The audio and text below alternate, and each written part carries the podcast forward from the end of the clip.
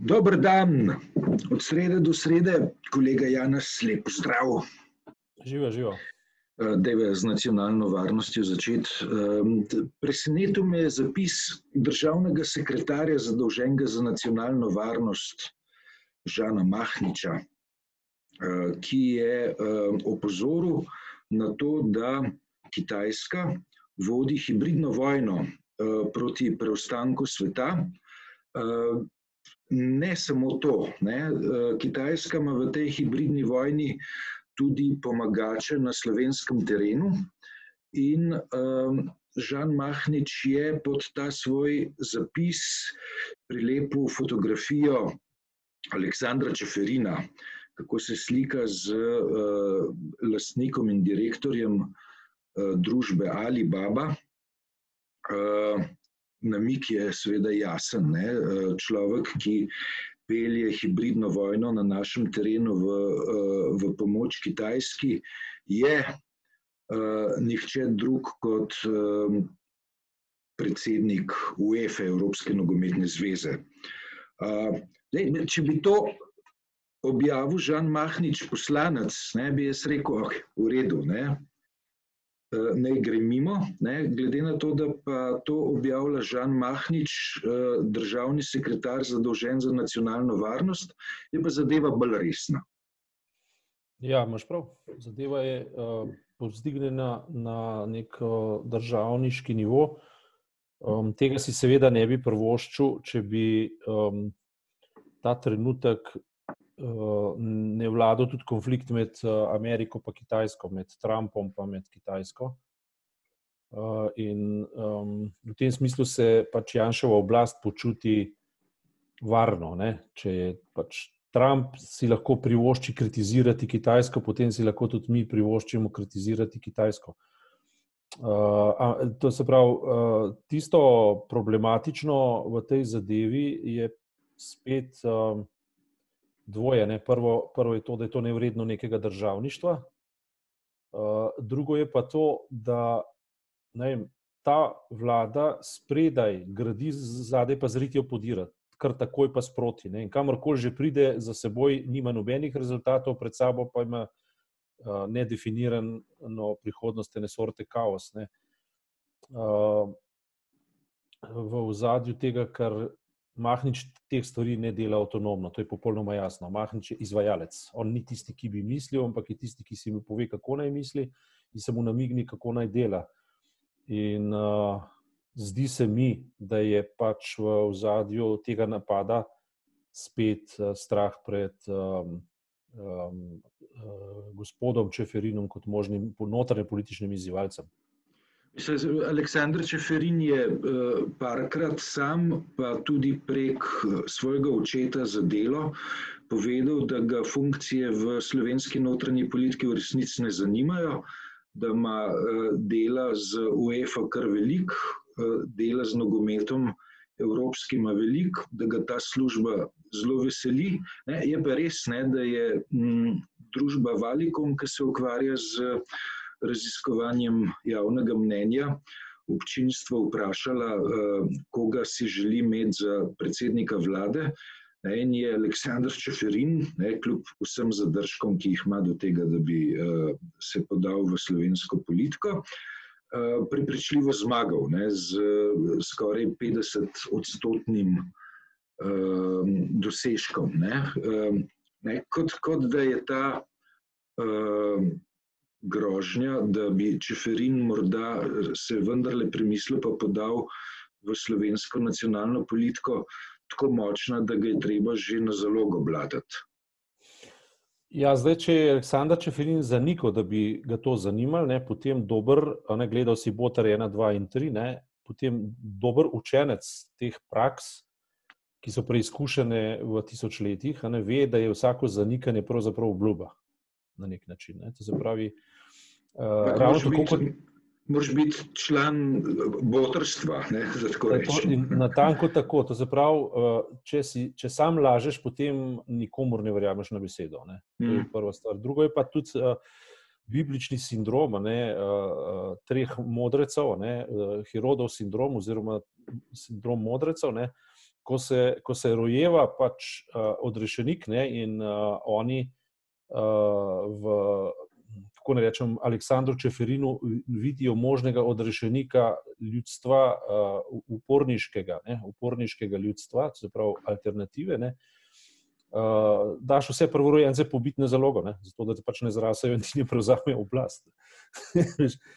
in tako, uh, ta, re, ta refleks je primitiven, zelo, zelo primitiven. To, s čimer si začel, to so v bistvu zelo primitivne reakcije. Je pa škoda, tega, ker vse, kar bi uh, eventualno lahko naredili dobrega, bi pustili pri miru, in potem bi bili pač vsi, uh, vem, dobro namerni ljudje, uh, bi bili dolžni ne, priznati nekatere pozitivnosti v tej vladi. Ne. Recimo, neka določena načelnost pri obravnavanju koronavirusa bi se sigurno ob, bi obstala kot. Uh, kot nekaj, kar uh, je bilo učinkovito in je težko zanikati. Ko pa to povežeš spet z temi maskami, ko to povežeš z upletanjem notranje politike, ko to povežeš z plakati SDS, ne, ki je v bistvu virus politizirala na tanko, tako kot je uh, pre, uh, direktor, predsednik. Um, uh, VHO-ja um, zaprosil, naj se po svetu ne bi dogajalo. Ne, in, um, potem pa te stvari postanejo zelo relativne in nekako padejo.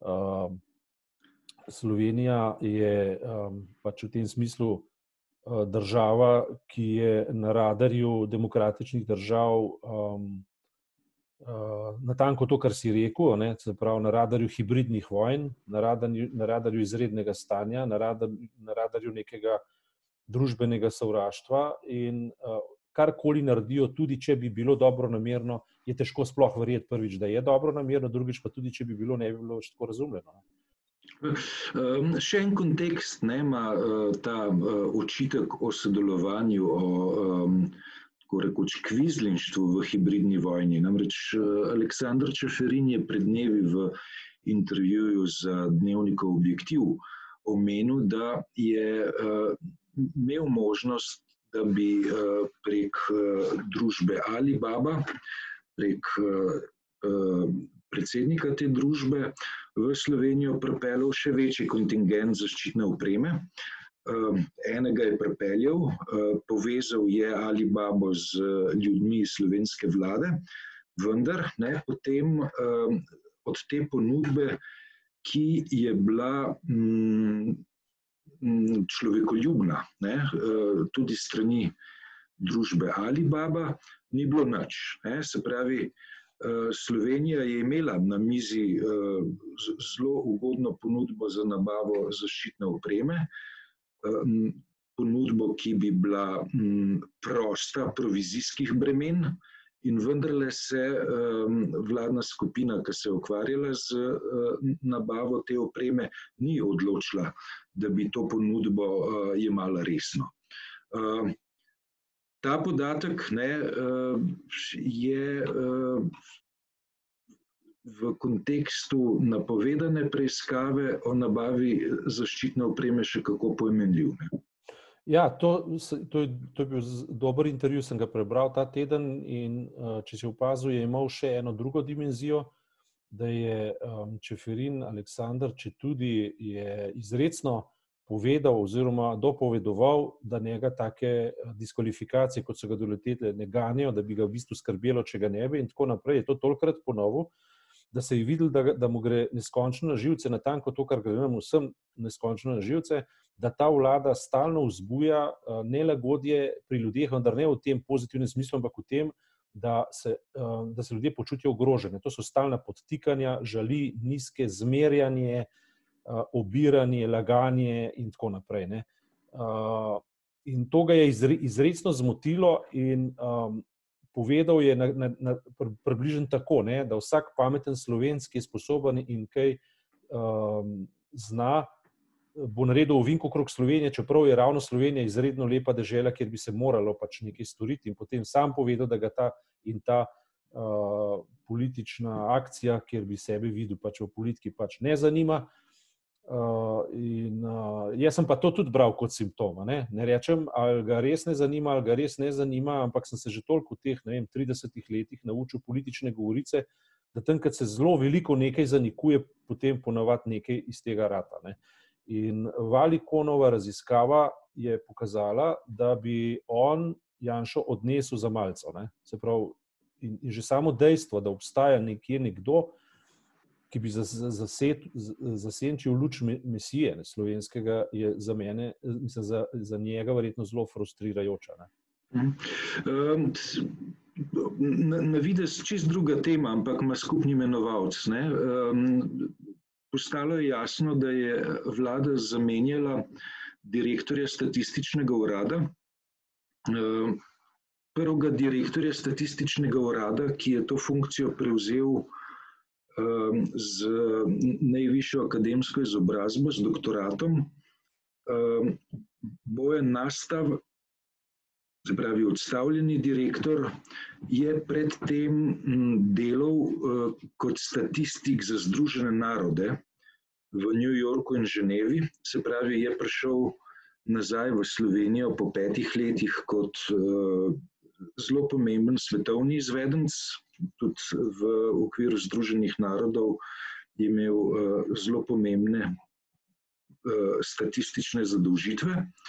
Uh, leto je pa praktično brez obrazložitve, hkrati pa obstaja nek člen zakona, ki ureja delovanje državnega statističnega urada, ki pravi, ne, da, je potreb, da, da je razrešitev direktorja možna samo v primeru, da je odgovoren za uh, večje kikse. Ne, in um, odstavitev direktorja statističnega urada se je, se je zgodila brez uh, slehrne obrazložitve, pravzaprav zakaj uh, je uh, vlada se odločila za to potezo.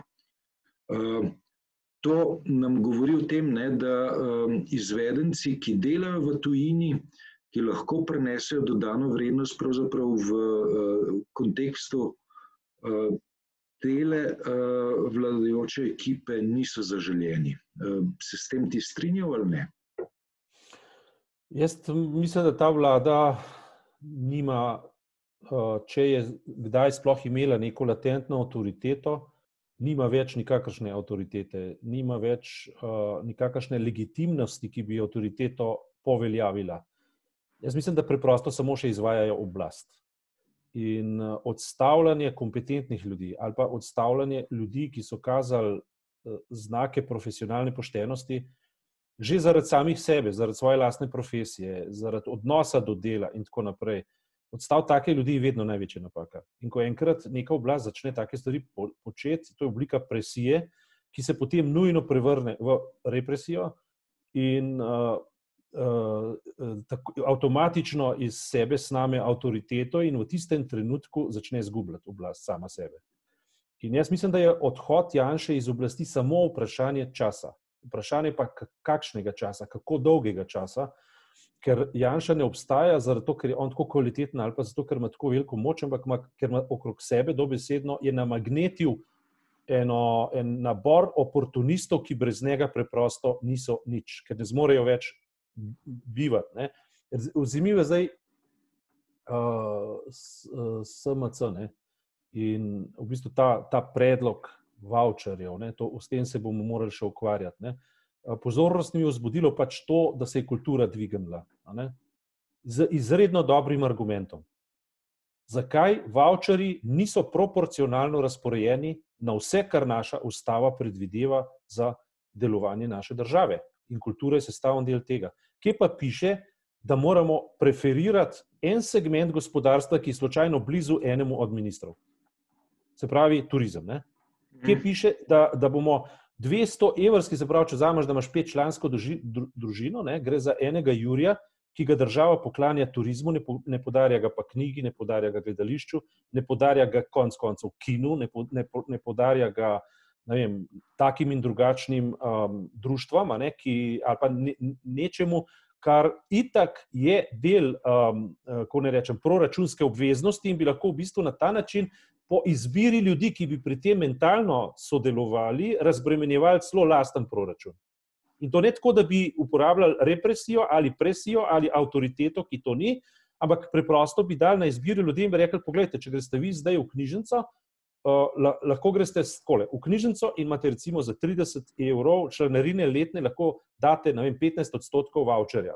Veš, in, in, bi, in bi na ta način v bistvu obrnili krok, ki, ki bi bil izredno produktiven, vključujoč ljudi, bi nagovarjal v njihovi državljanski zavesti in bi rekel: bodite odgovorni državljani, mi bomo zdaj toliko in toliko denarja sprostili, vi pa odločite, na kakšen način bomo oživili našo državo. Ne? To bi bilo res modro. In, in veš, tudi meni še prejšnji teden nekako ni, ni to zazvenelo v glavi, ampak ko sem pa videl, ko so se zdaj kulturniki dvignili in so v bistvu na to začeli opozarjati, se mi zdi pa perfektno smiselno. Imenu gospodarstva se bomo zdaj um, sončili po turističnih krajih, ki so že itak preobremenjeni, to je moja stalna tema, ne? in v bistvu denar dajali nečemu, kar je samo ne, mogoče en določen odstotek gospodarstva. Zakaj ne bi dajali stotim odstotkom gospodarstva in če že jemljemo gospodarstvo kot gospodarstvo, zakaj pa recimo bibliotekarstvo ne bi bilo gospodarstvo? Zakaj pa gledališča ne bi bila gospodarstvo? Zakaj pa opere ne bi bila gospodarstvo? Ne? In tako naprej. Veš, in to so vidiki, ki na, v končnem, v skupnem seštevku, če, če se vrnem zdaj nazaj na statistični urad, to, da ti odstaviš nekoga, mislim, jaz primera ne poznam, ampak če predpostavljamo, da gre za strokovnjaka, ki je na tanko vedel, kaj dela, je bil visoka dodana vrednost, ali najmanj ni bil prioriteta za odstavitev. Najmanj to. Ne?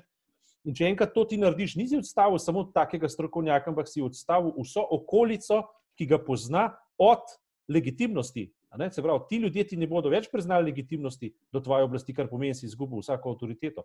In Janša je v, te, v tem trenutku, po mojem mnenju, že popolnoma brez avtoritete, se to vendar dokazuje 10 tisoč kolesarjev vsak teden. In ta krok, ja. Zdaj pa, če pa to prevedemo v, v, v vprašanje, ne, ali ta vlada lahko zdrži do, do konca volitev, ne, seveda lahko. Ne, sej, ampak nosila je ne bo pozitivna energija, ampak oportunizem. Ne. Janes, hvala za tokrat. Naslednjo sredo se pa spet vidimo. Drži. Srečno.